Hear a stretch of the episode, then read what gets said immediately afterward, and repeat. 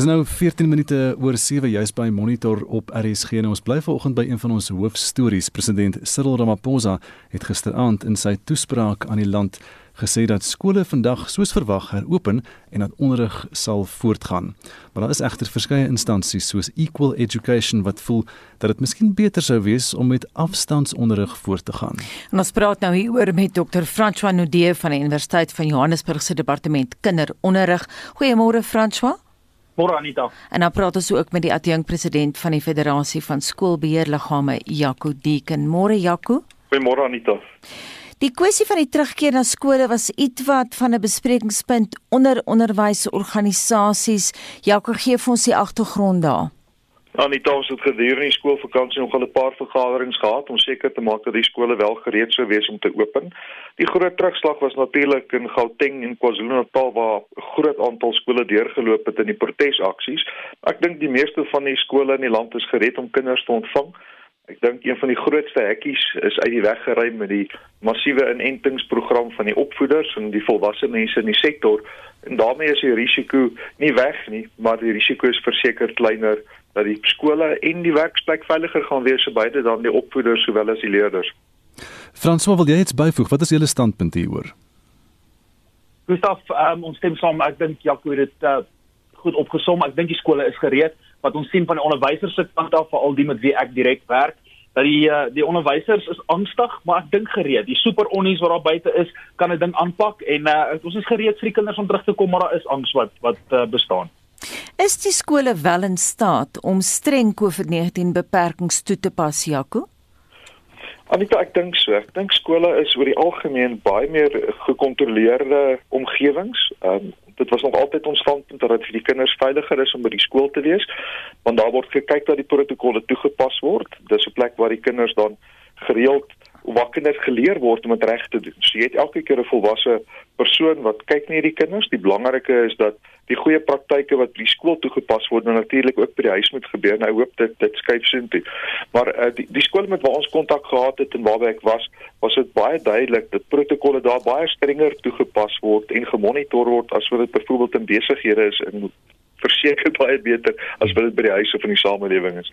Frans, moet ons daarop vertrou? Daar was laas keer nogal 'n tamelike ontstellende infeksiesyfers onder onderwysers gewees. Ons moet onthou dat uh, dit dat die risiko vir onderwysers by skole nie regtig groter is as wat dit is in die normale omgang van hulle dag nie. So vir onderwysers om by die skool te wees, um, gaan nie noodwendig vir hulle op groter risiko stel as wat hulle in 'n normale omgang van hulle lewe dag tot dag gaan blootgestel wees nie.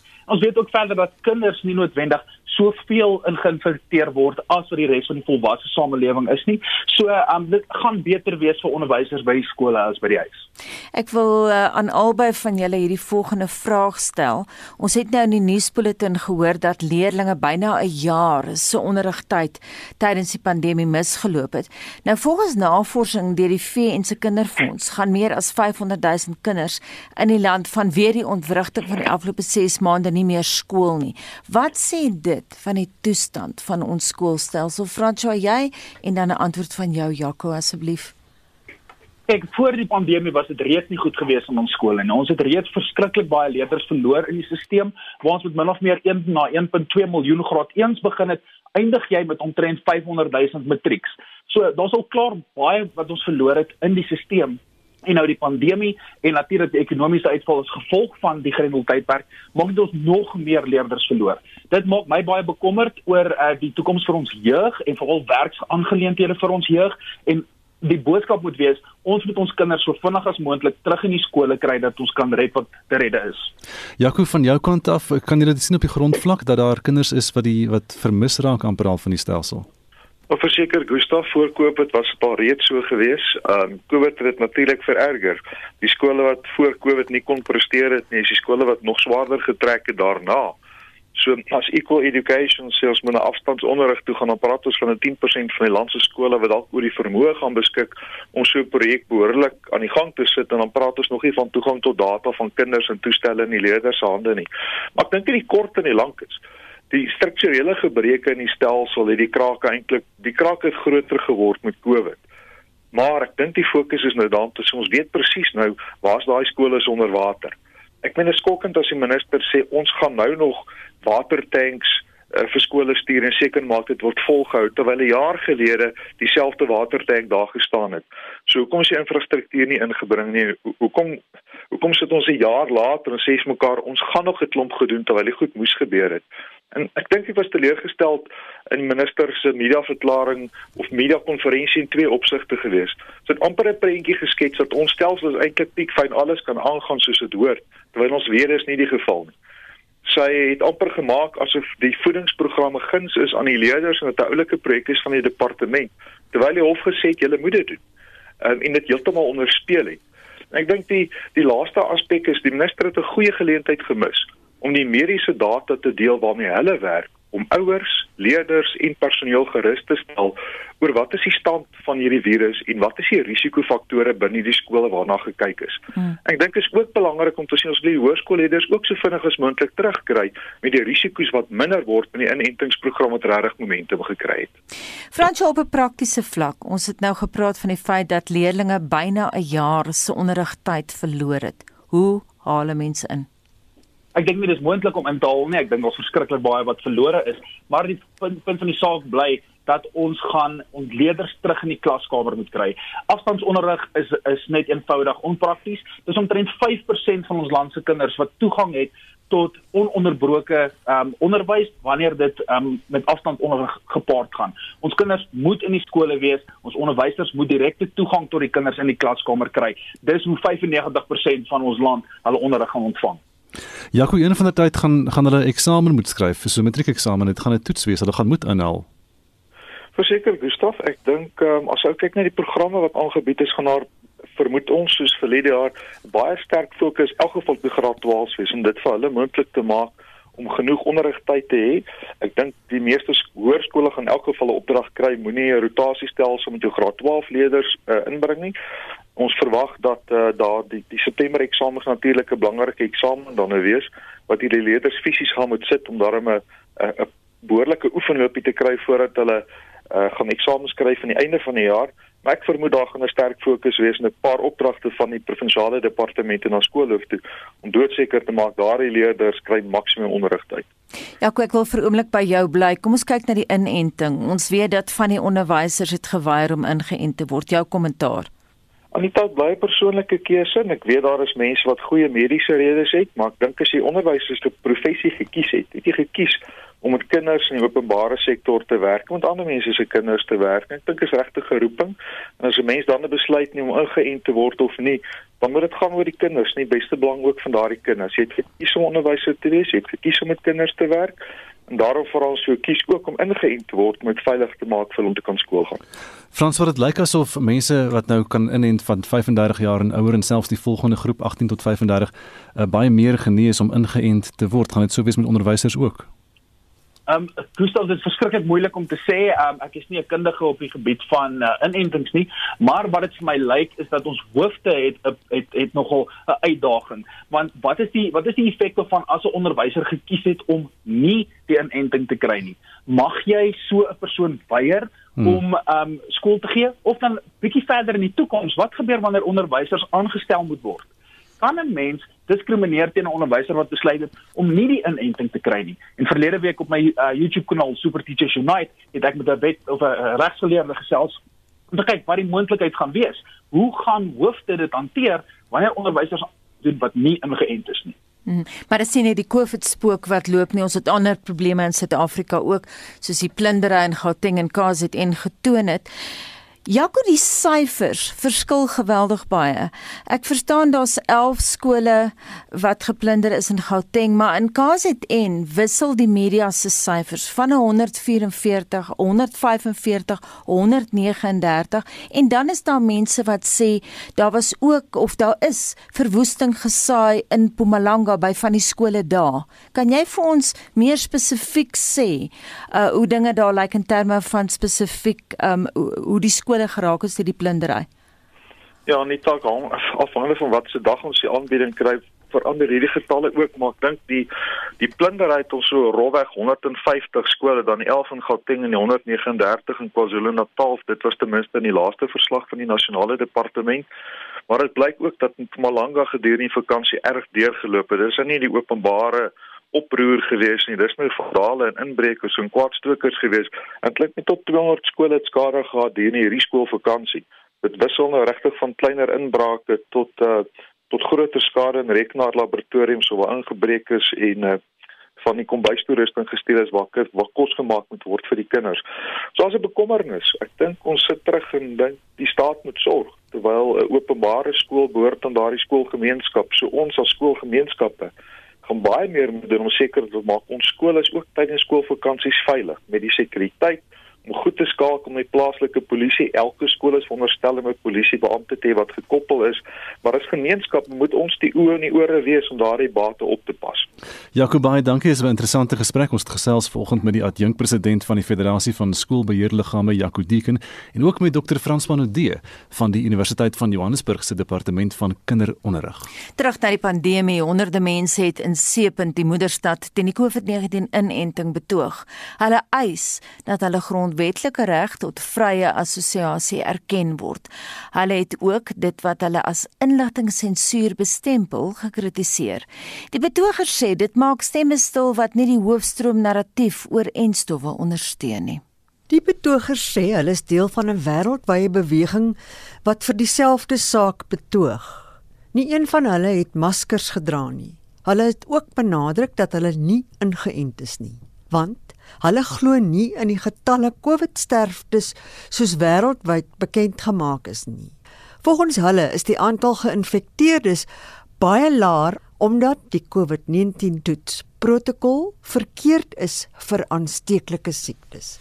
Catherine Refaili is een van die andersdenkendes wat betoog. The PCR test figures are wrong. We have got a huge amount of people with TB in this country. 150 people were dying of TB every single day before COVID. Nobody started wearing masks because of that. If you have a testing protocol that's not accurate, and then you have people going into hospital who've maybe got TB but are being wrongly tested to say they've got COVID and then put on a ventilator, it could kill them. 'n Woordvoerder van die Wes-Kaapse Gesondheidsdepartement, Maak van der Heever, sê die groep sal enige iets sê om die toets te kritiseer. The PCR test is considered golden standard internationally, which is why our country and our province make use of the PCR test to detect COVID positive cases, as well as the antigen rapid test that's also available within a few hours. And together, the two of them form part of our mechanisms to detect and to pick up COVID positive cases. Die groep sê hulle konstitusionele regte vir vrye assosiasie word aan bande gelê. Josh Swart, wat ook betoog het, sê hulle aanvaar nie die rampgebied wat oor die hele land verklaar is nie. And I'm protesting and demonstrating for our freedoms. We don't want to be subjected to curfews. We don't want to be subjected to wearing masks, and we definitely don't want to be subjected to any narrative that is going along the lines of forced vaccines to enter into public spaces. Sy broer, Nathan Swart, het 'n soortgelyke opinie gelig. It's fear mongering over and over the same fear mongering. We want a new narrative. They're saying the same stuff from last year. We want new narrative. We want to say this is the solution. There are other options for us to do, which is not the vaccine. And the only thing they say is vaccine, vaccine, vaccine, vaccine. We want other options, President. Please, let's open up our industries. We want to work. We are DJs.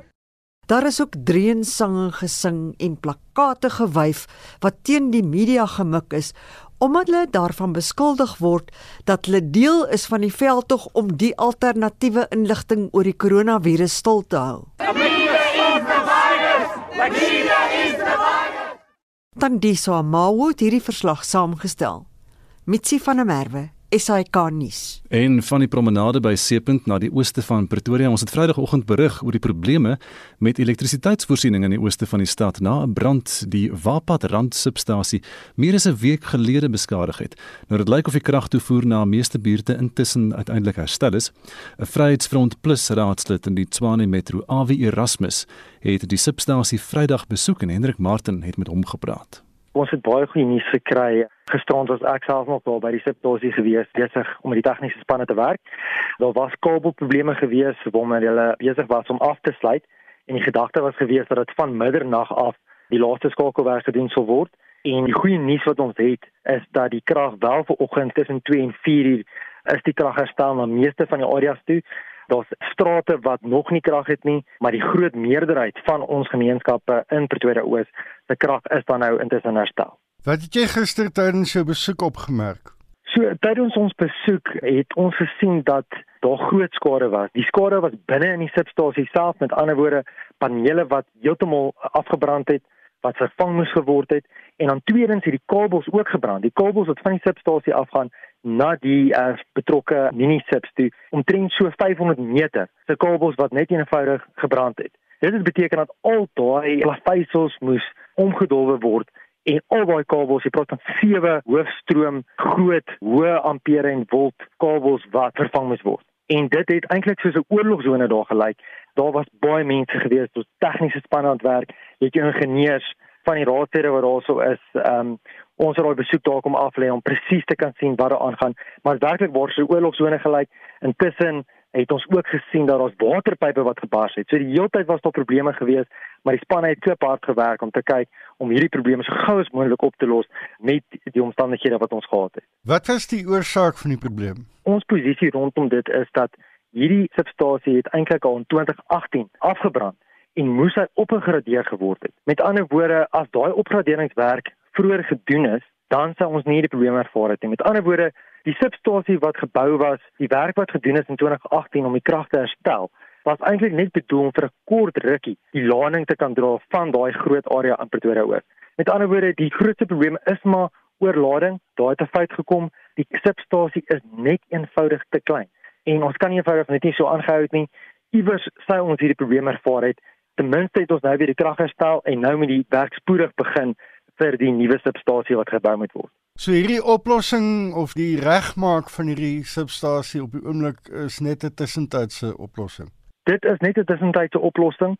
Ons weet vir 'n feit dat die substasie dis al lankal in die beplanning gewees. Natuurlik die ontwikkeling ook in Pretoria Oos is baie groot. En hierdie kan eenvoudig net 'n korttermyn oplossing wees. Ons het dan ook 'n onderneming gekry van die burgemeester dat hierdie tenderproses wat nou alreeds besig is, dat dit spoedig moet vorder en dat ons ook op 'n gereelde basis die proses wil dophou, die tenderproses moet dophou. Want hierdie kan eenvoudig net nie meer uitgestel word nie. Dit moet spoedigelik gedoen word sodat ons hierdie probleem op die langtermyn kan aanspreek. En dit was 'n raadslid in die Tshwane Metro, AW Erasmus in gesprek met Hendrik Martin. Hoe lyk jou terugvoer Estie? Marie Sweswyk skryf ek hou baie daarvan die lieflike vellies en pragtige kouse wat daarby pas en Elsa Susan van Staden skryf dis absoluut aaklig. Denelia Brink sê my eerste gedagtes was dit lyk te besig. Miskien moes die ontwerp groter gewees het en die vroue swart rompe gedra het. Maar die vellies pas by die uitrustings en hardloopskoene sou vreemd gelyk het. Ek dink dis hoe ander lande ons sien, 'n land van safaris, 'n toerisme paradys. En die wat daarna verwys as drag wat boere sou dra, julle weet nie hoe boere aantrek nie en Fransie van Rooyen laat weet eerste keer in jare dat ons span nie soos narre lyk nie. Pragtig tipies Suid-Afrikaans, maar Marit Leroux sê die vellies is mooi, maar hulle klere lyk soos narre en nie atlete nie. En Jolandi Forsie skryf trots Suid-Afrikaans, ek het gedink dis 'n uitstekende manier om ons land te verteenwoordig. Ons kort iets wat positief en mooi is in hierdie tye. Zebra strepe, kakies en vellies baie beter as 'n gewone sweetpak en tekkies. Ons wil vandag by jou weet wat dink jy van ons Suid-Afrikaanse Olimpiese span se uniforms en veral hulle velskoene wat hulle dra? Stuur vir ons 'n foto, ag stuur vir ons 'n SMS eerder na 45889 teen R1.50 per SMS.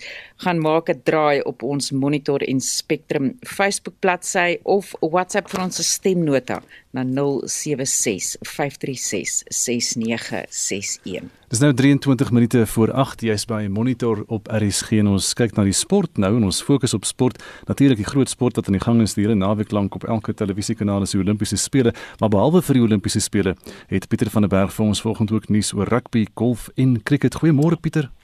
Môre Gustav Jan, my vellies is lekker warm hier waar ek sit hoor. Seker ja. Nou Span Suid-Afrika het nie 'n goeie begin by verjaar se Tokyo uh, Olimpiese spele gehad nie. Wat is die jongste nuus vandag? Ja, goeie nuus gister, dis die vlam van hoop wil ek amper sê wat uh, behoorlik aangesteek is deur die Suid-Afrikaanse swemmer Tatiana Skoemaker.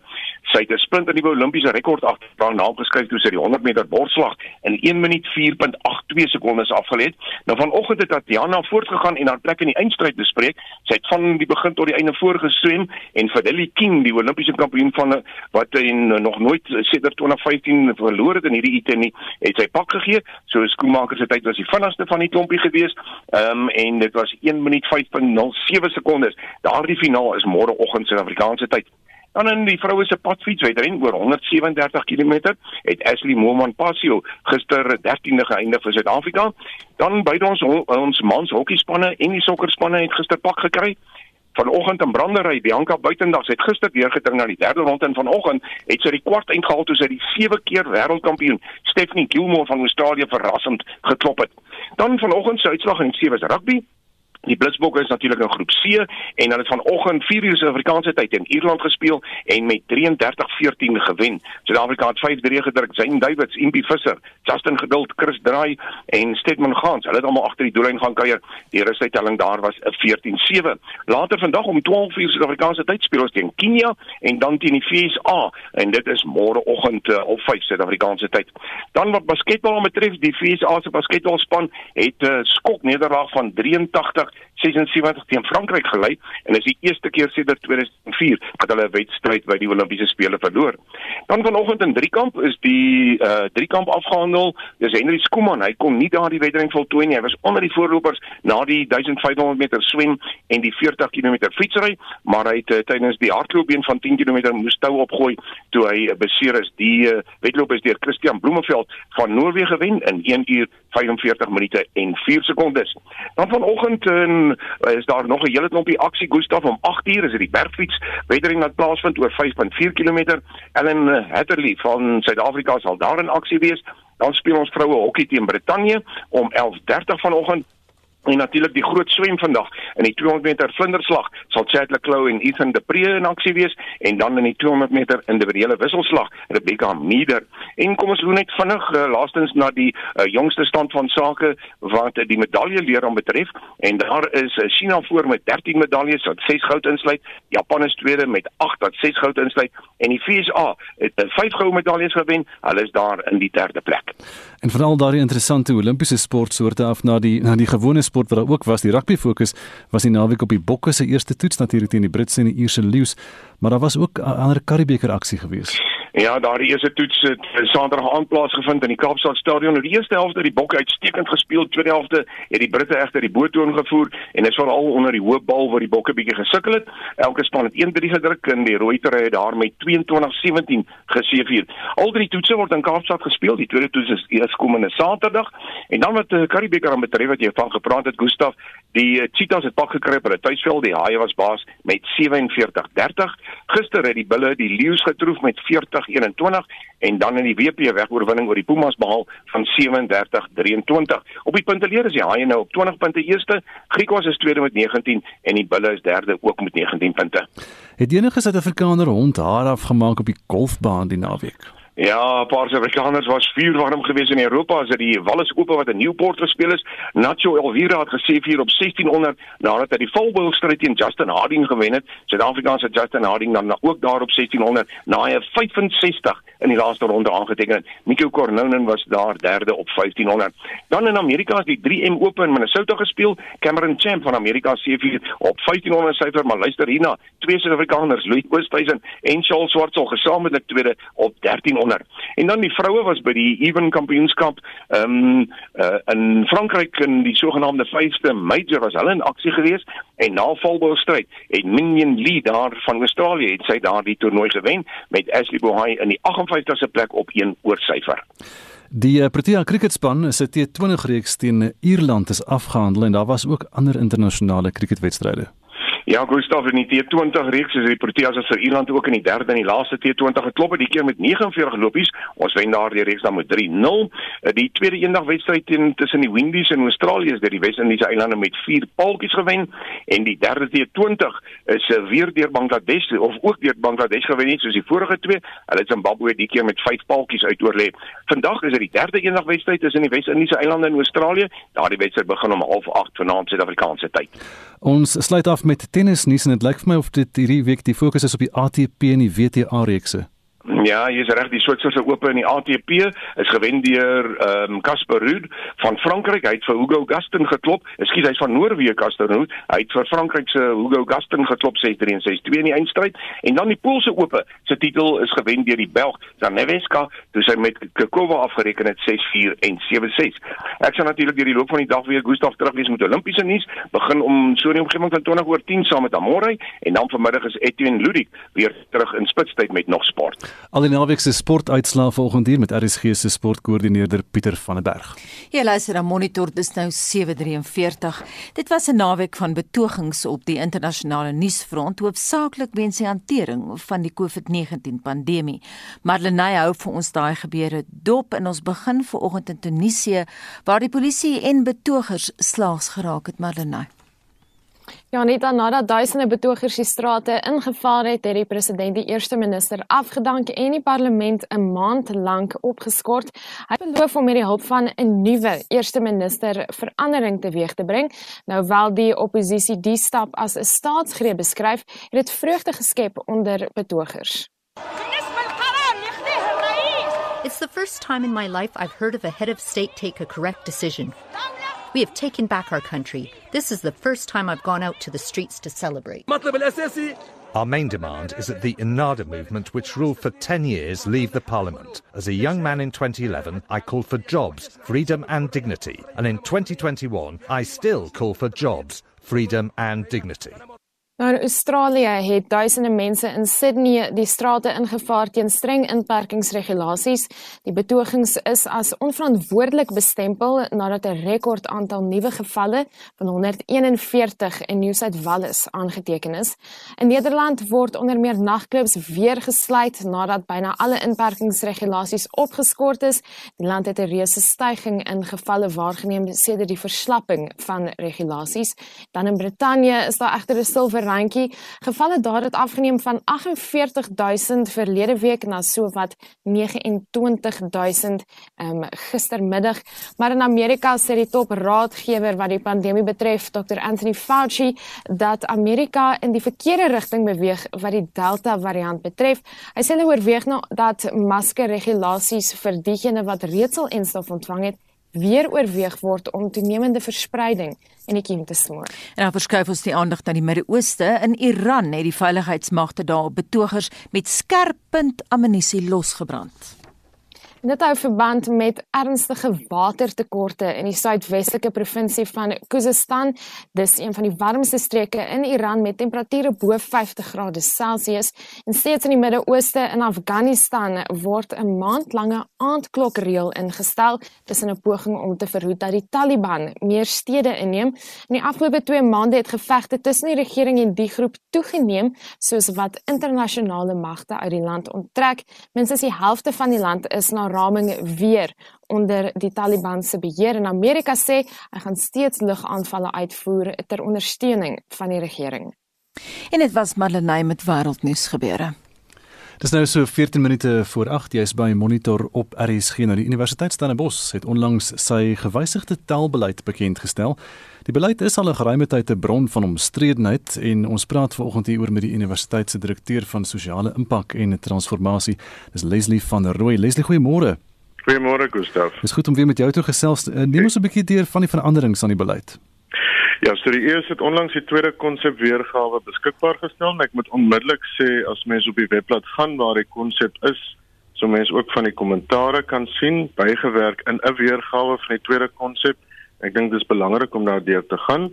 En dan is daar ook 'n uiters belangrike konteksdokument uh, wat verband hou met die die die huidige taalbeleid 2016-1 uh, en van die wêreld en nasionale veranderinge wat oor die afgelope tyd gebeur het onder andere ook ons leer en onderrig verstaan uh die koste uh, van meertaligheid en so voort. Ek dink dit is belangrik om deur die dokumente te gaan. Uh, ons het omtrent 330 uh, uh terugvoer weergawe ontvang beide van individue en verskillende groepe. Uh, en dit beteken dat die ES weer kon besin oor juis hoe meertaligheid moet lyk en hoe dit spesifiek moet uitspeel wat die rol van Afrikaans binne meertaligheid is.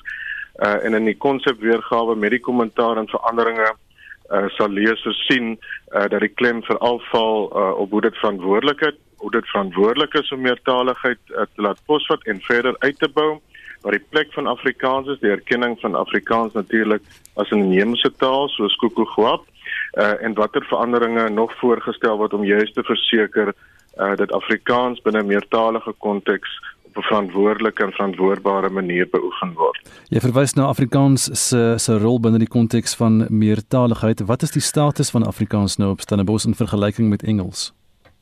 So daar's drie moontlikhede om leer en onderrig uh, by die universiteit te ontvang en in al drie gevalle uh, word Afrikaanse plek bevestig. Die onderrigtale is natuurlik Afrikaans en Engels. Uh, die eerste opsie is 'n parallelle leerervaring waar jy 'n klas kan kies in of Afrikaans of in Engels uh, en dat daarmee saam 'n uh, klein groepe en tutoriaalgroepe geskep word om te verseker uh, dat die ervaring ook oor kontekste nie misgaan nie met ander woorde in die kleiner groepe uh, so die twee taalgemeenskappe mekaar kan vind. Dan is daar die opsie om in die klaservaring beide Afrikaans en Engels te beleef en as die lesing in Engels is, moet die leermateriaal ook beskikbaar gestel word in in Afrikaans en natuurlik met aanlyn leerervaring beteken dit enige iets soos potgoeie klein groepe sprekings en sovoorts moet natuurlik ook in in die ander taal beskikbaar wees. En dan is daar in die eerstejaars modules veral 'n uh, groter behoefte vir intydse tolking en dis beskikbaar gestel en bly beskikbaar. En dan is natuurlik die opsie om om klas aan te bied of klas te beleef in net een taal en dit hang natuurlik af van die spesifieke vak, die behoeftes, uh, die fakulteit uh, en wat redelikerwys uh, moontlik is in die bepaalde konteks van byvoorbeeld 'n fakulteit. Uh, maar dit beteken dat die leermateriaal steeds in die ander taal beskikbaar moet wees. En dan is daar kommunikasie moontlikhede van taal. Uh, ek dink ons het die vorige keer gesê hmm. uh, dat ons sal probeer om kommunikasie nie net in twee tale beskikbaar te stel nie, maar in drie tale. En dan is daar 'n baie belangrike klem uh, op taal as 'n brugbouer of of taal as kommunikasiemiddel in 'n informele konteks byvoorbeeld in ons kursusse waar ons nie net wil hê mense uh, in die twee of drie tale moet praat nie, die drie sê nou maar amptelike tale nie, maar dat jy juis jou huistaal uh, het sê dit uh, een van die drie tale of enige ander nasionale tale kan gebruik juist sodat ons by mekaar kan leer en mekaar kan verstaan en so meertaligheid uit kan leef. Ons verstaan dat julle erkenning gee dat Afrikaans 'n internasionale gerekende taal is. Ek gaan nou hier aan Afrikaans is 'n internasionaal gerekende taal en is oor verskeie dissiplines 'n aansienlike akademiese repertoire ontwikkel het en verbind die ES tot die voortgesette gebruik van Afrikaans as 'n wetenskaptaal. Hou julle aan om geld te spandeer aan soos jy nou sê hierdie leermateriaal en die vertaling vertaling en die tolking en die, en die dinge in Afrikaans om geld te spandeer aan Afrikaans as 'n onderrigtaal of gaan Afrikaans aan die agterspeen suig teenoor Engels? Ja, Afrikaans bly 'n nasionale bate en vir solank as wat die behoefte daar is om Afrikaans binne hierdie konteks te beleef uh, en uit te leef sal dit die geval wees. Ek het vroeër verwys na die konteksdokument wat juis aandui wat die kostes uh, van meertaligheid is en wat gedoen word om Afrikaans te bevestig uh, en Afrikaans te laat gedei binne 'n meertalige konteks uh, en die EU sal inderdaad aanhou om dit te doen en ons doen dit um, vir 'n geruime tyd nog meer. U sal nou onthou dat ons by vorige geleenthede gepraat het juis oor innoverende uh, maniere om meertaligheid en transtaligheid te laat uitleef veral binne die konteks uh, van aanlyn leer. Uh, en ons sien daarna uit om nog meer opwindende metodes en metodieke uh te beoefen juis om Afrikaans as 'n nasionale bate ook in die akademiese kring te kan bevestig. Daar's baie mense natuurlik soos jy nou goed weet wat wat kritiek het teen die universiteit en die taalbeleid opstaan by onsself. Ehm um, wat ek wil vra is is is julle besig om hulle te paai? Is daar lippetaal aan die gang of is julle hard daarin om Afrikaans te ondersteun? Ja, ek dink die konteksdokument gee dit ook duidelik weer. Jy sal in die konteksdokument sien dat daar verskillende maniere is waarop jy eers terugvoer kry oor hoe taal binne die universiteit beleef word. Beide van studente, dosente en personeel wat byvoorbeeld verantwoordelik is vir kommunikasie. Daar gaan geweldig baie moeite in om te verseker dat die leerervaring in Afrikaans so goed as moontlik is en inderdaad waar daar 'n behoefte is om Afrikaans te gebruik en Afrikaans te bevestig. Ehm um, die aanbod en die behoefte vir Afrikaans bly hoog genoeg vir die universiteit om dit aan te bied. En die universiteit sal oor die volgende paar jaar aanhou verseker dat ons alles moontlik doen om hierdie meertalige bate wat Afrikaans is te kan bevestig en ons hoop regtig dat ander organisasies met ons hande sal neem om dit juis binne die konteks van Suid-Afrika te kan verseker. Leslie, hoe verhoed 'n mens dat wat gebeur wat vroeër verjaar gebeur het dat een of ander studenteleier nie vir 'n eerste jaar in 'n kos hy sê hy mag nie in die badkamer Afrikaans praat nie? Ja, ek is uh, ek dink daar steeds die behoefte dat mense wil hoor dat daar 'n verbod op Afrikaans is. Ons het oor en oor bewys en gesê dat daar nie 'n verbod op Afrikaans was nie. Maar binne die konteks waar jy 33000 studente op ons kampusse het, moet ons verstaan uh, dat dinge nie altyd 100% reg kan verloop nie. En daarom maak jy beleidsvoorsiening uh, vir ruimtes waar studente en personeel uh, klagtes kan lê of versoeke kan rig uh, waar dinge nie volgens beleid uitgespeel het nie of waar dinge nog beter uit kan speel en ons moedig ons studente en personeel aan om juist dit te verseker en om daarin deel te neem. Ek dink in 'n tweede vlak is dit tog belangrik dat ons meer moeite moet doen as hoër onderwysinstellings om te verseker dat ons iets verstaan van die nasionale bate wat hierdie instellings is. Waar mense van verskillende agtergronde bymekaar kom, waar ons mekaar tegemoet wil kom, uh, waar ons gemeenskaplikheid wil soek terwyl ons ons uniekheid uit kan leef ook in ons taal. En waar dinge verkeerd gaan moet ons maar weer teruggaan na mekaar en weer mekaar vind. Daar's nie 'n ander uitweg nie. Uh, en dit sal ook verseker dat ons iets leer van die komplekse samelewing waarin ons is en die moontlikhede uh, wat ons kan kry deur op instellings te studeer waar meertaligheid beoefen word en waar jy ander stel vaardighede aan kan leer uh, wat jy ook in die konteks in die wêreld van werk uh, goed te staan sal kom. Leslie Bey, dankie. Leslie van Rooi is die direkteur van sosiale impak en transformasie by die Universiteit Stellenbosch. En ons praat nou met die DA parlementslid en die Stellenbosch kiesafdelingshoof Leon Schreiber hier oor goeiemôre Leon. Môre Anita Gustaf en die luisteraars. Ek verstaan van ons klankingenieur ons produksieregisseur jy het na die vorige onderhoud geluister, is dit korrek? Ja, dis reg. Nou ja, wil jy kommentaar lewer op wat gesê is? Ja, Anita, ek dink uh ten spyte van die poging om te paai, ehm um, kom hierdie hersiene tweede weergawe van die taalbeleid eenvoudig neer op 'n poging tot oorverblindery. Ehm um, soos wat uh, dokter van Rooi daar genoem het, het hy verwys na die ehm uh, die die situasie in klaskamers en die realiteit is dat nie 'n enkele woord van hierdie beleid verander het in vergelyking met 2016 nie. So ek wil net graag vir die luisteraars 'n idee gee wat dit beteken uh, in klasse wat hy na verwys het waar waar beide tale gebruik sal word sê die beleid uitdruklik dat gedurende elke lesing word alle inligting in ten minste Engels oorgedra en word inhoud ook in Afrikaans opgesom en beklemtoon. En hierdie is een van die grootste probleme wat studente in 20 uh, onder die 2016 beleid ervaar het want wat is 'n opsomming of 'n beklemtoning? en dit het beteken dat in baie gevalle Afrikaanse studente nie dieselfde inligting gekry het as Engelse studente nie. Hmm die die tolkdienste wat verskaf word. Niks het verander nie. So wat die beleid sê is dat wanneer 'n lesing in Afrikaans plaasvind op voorgraadse vlak, is daar altyd tolking in Engels. En wanneer dit 'n uh, 'n uh, 'n uh, lesing in Engels plaasvind, is tolking in Afrikaans net moontlik het sy op die perseel, ekskuus tog, indien die studente se behoeftes die diens regverdig en die ESO die hulpbronne te beskik om dit te voorsien. Hmm. En ons sien ook hoe die woord, die begrip redelikerwys uitvoerbaar steeds gebruik word uh om die Afrikaanse aanbod in te perk en af te water. En die realiteit is dat daar net mooi niks verander het uh tussen die 2016 beleid en hierdie een nie, behalwe dat die universiteit in die konteks en in die die breër beginsels wel meer erkenning gee aan die status van Afrikaans, maar nog nie wanneer dit by die praktiese realiteite kom nie. Leon, gaan julle die saak nou verder voer?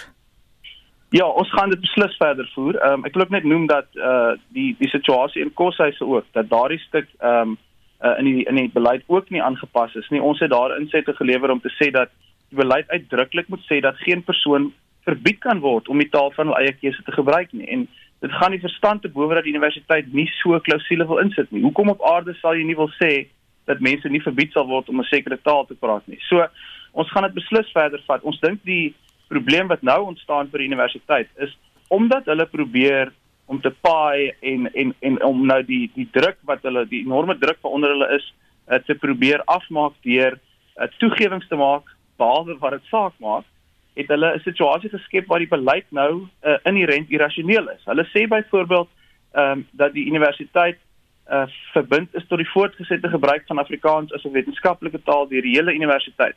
Dit klink baie positief, maar dan moet dit mos deurgloei na die praktiese uh is uh, realiteite en praktiese materiaal soos wat ek nou uh, verwys het na in die klaskamers en in koshuise en dit gebeur nie.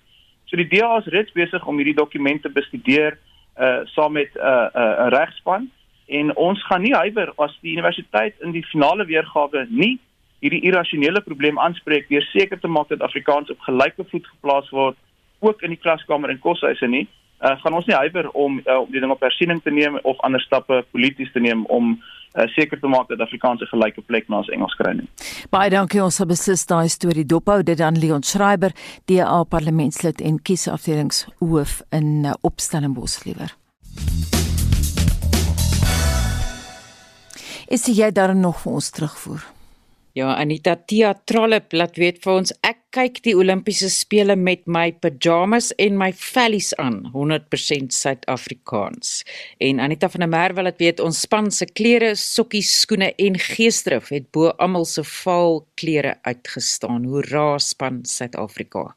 Kom ons luister na na stemnotas van van ons luisteraars. Hulle moes eintlik David Kramer met sy rooi vellies die vlagladder daar daarom die opening. Barry Drivers daar. Dames Lionel Smith. Ek moet sê dat die mense by die Olimpiese spele, daai atlete, hulle lyk cheap, hulle lyk soos 'n klomp zebras. Dis jou weer in vryheid nie. Ek dink pragtige inisiatief om die veldskoene as deel van die uniform te hê. Uh, dis tog maar 'n deel van ons kultuur en ons tradisie. Dis maar deel Suid-Afrikaans. Dit verteenwoordig ook Afrika in die wêreld. Ek meen, daar is niks verkeerd daarmee nie. Dit lyk pragtig, dit vertoon mooi. Die eerste Olimpiese spele was in 1890 en ehm uh, daar het hulle deelgeneem met velskoene en met kaalvoet uh, al kaalvoet gehardloop. Daar was nie iets soos hierdie sintetiese goed wat ons vandag gebruik nie. So ja, vir dit. Dankie vir jou terugvoer vanmôre Marlene. Wat is op die dagboek vir Spectrum om 12? Skole heropen landwyd en dan in KwaZulu-Natal verskyn sewe verdagtes in die hof na die dood van minstens 50 mense in Phoenix tydens die onlangse geweld en plundering in KwaZulu-Natal en Gauteng. Ons skryf meer reaksie op die president se aankondiging gisteraand dat inperkingsregulasies nou aangepas word na vlak 3. En die Monitor redaksiespan groet namens ons waarnemende uitvoerende regisseur. Hy was ook die redakteur vanoggend Hendrik Martin, ons produksieregisseur Daitron Godfrey. My naam is Anita Visser. Monitor is môreoggend om 6:00 terug. Ek is Gustaf Vreiling en Helena is nou reg met die 8uur nuus.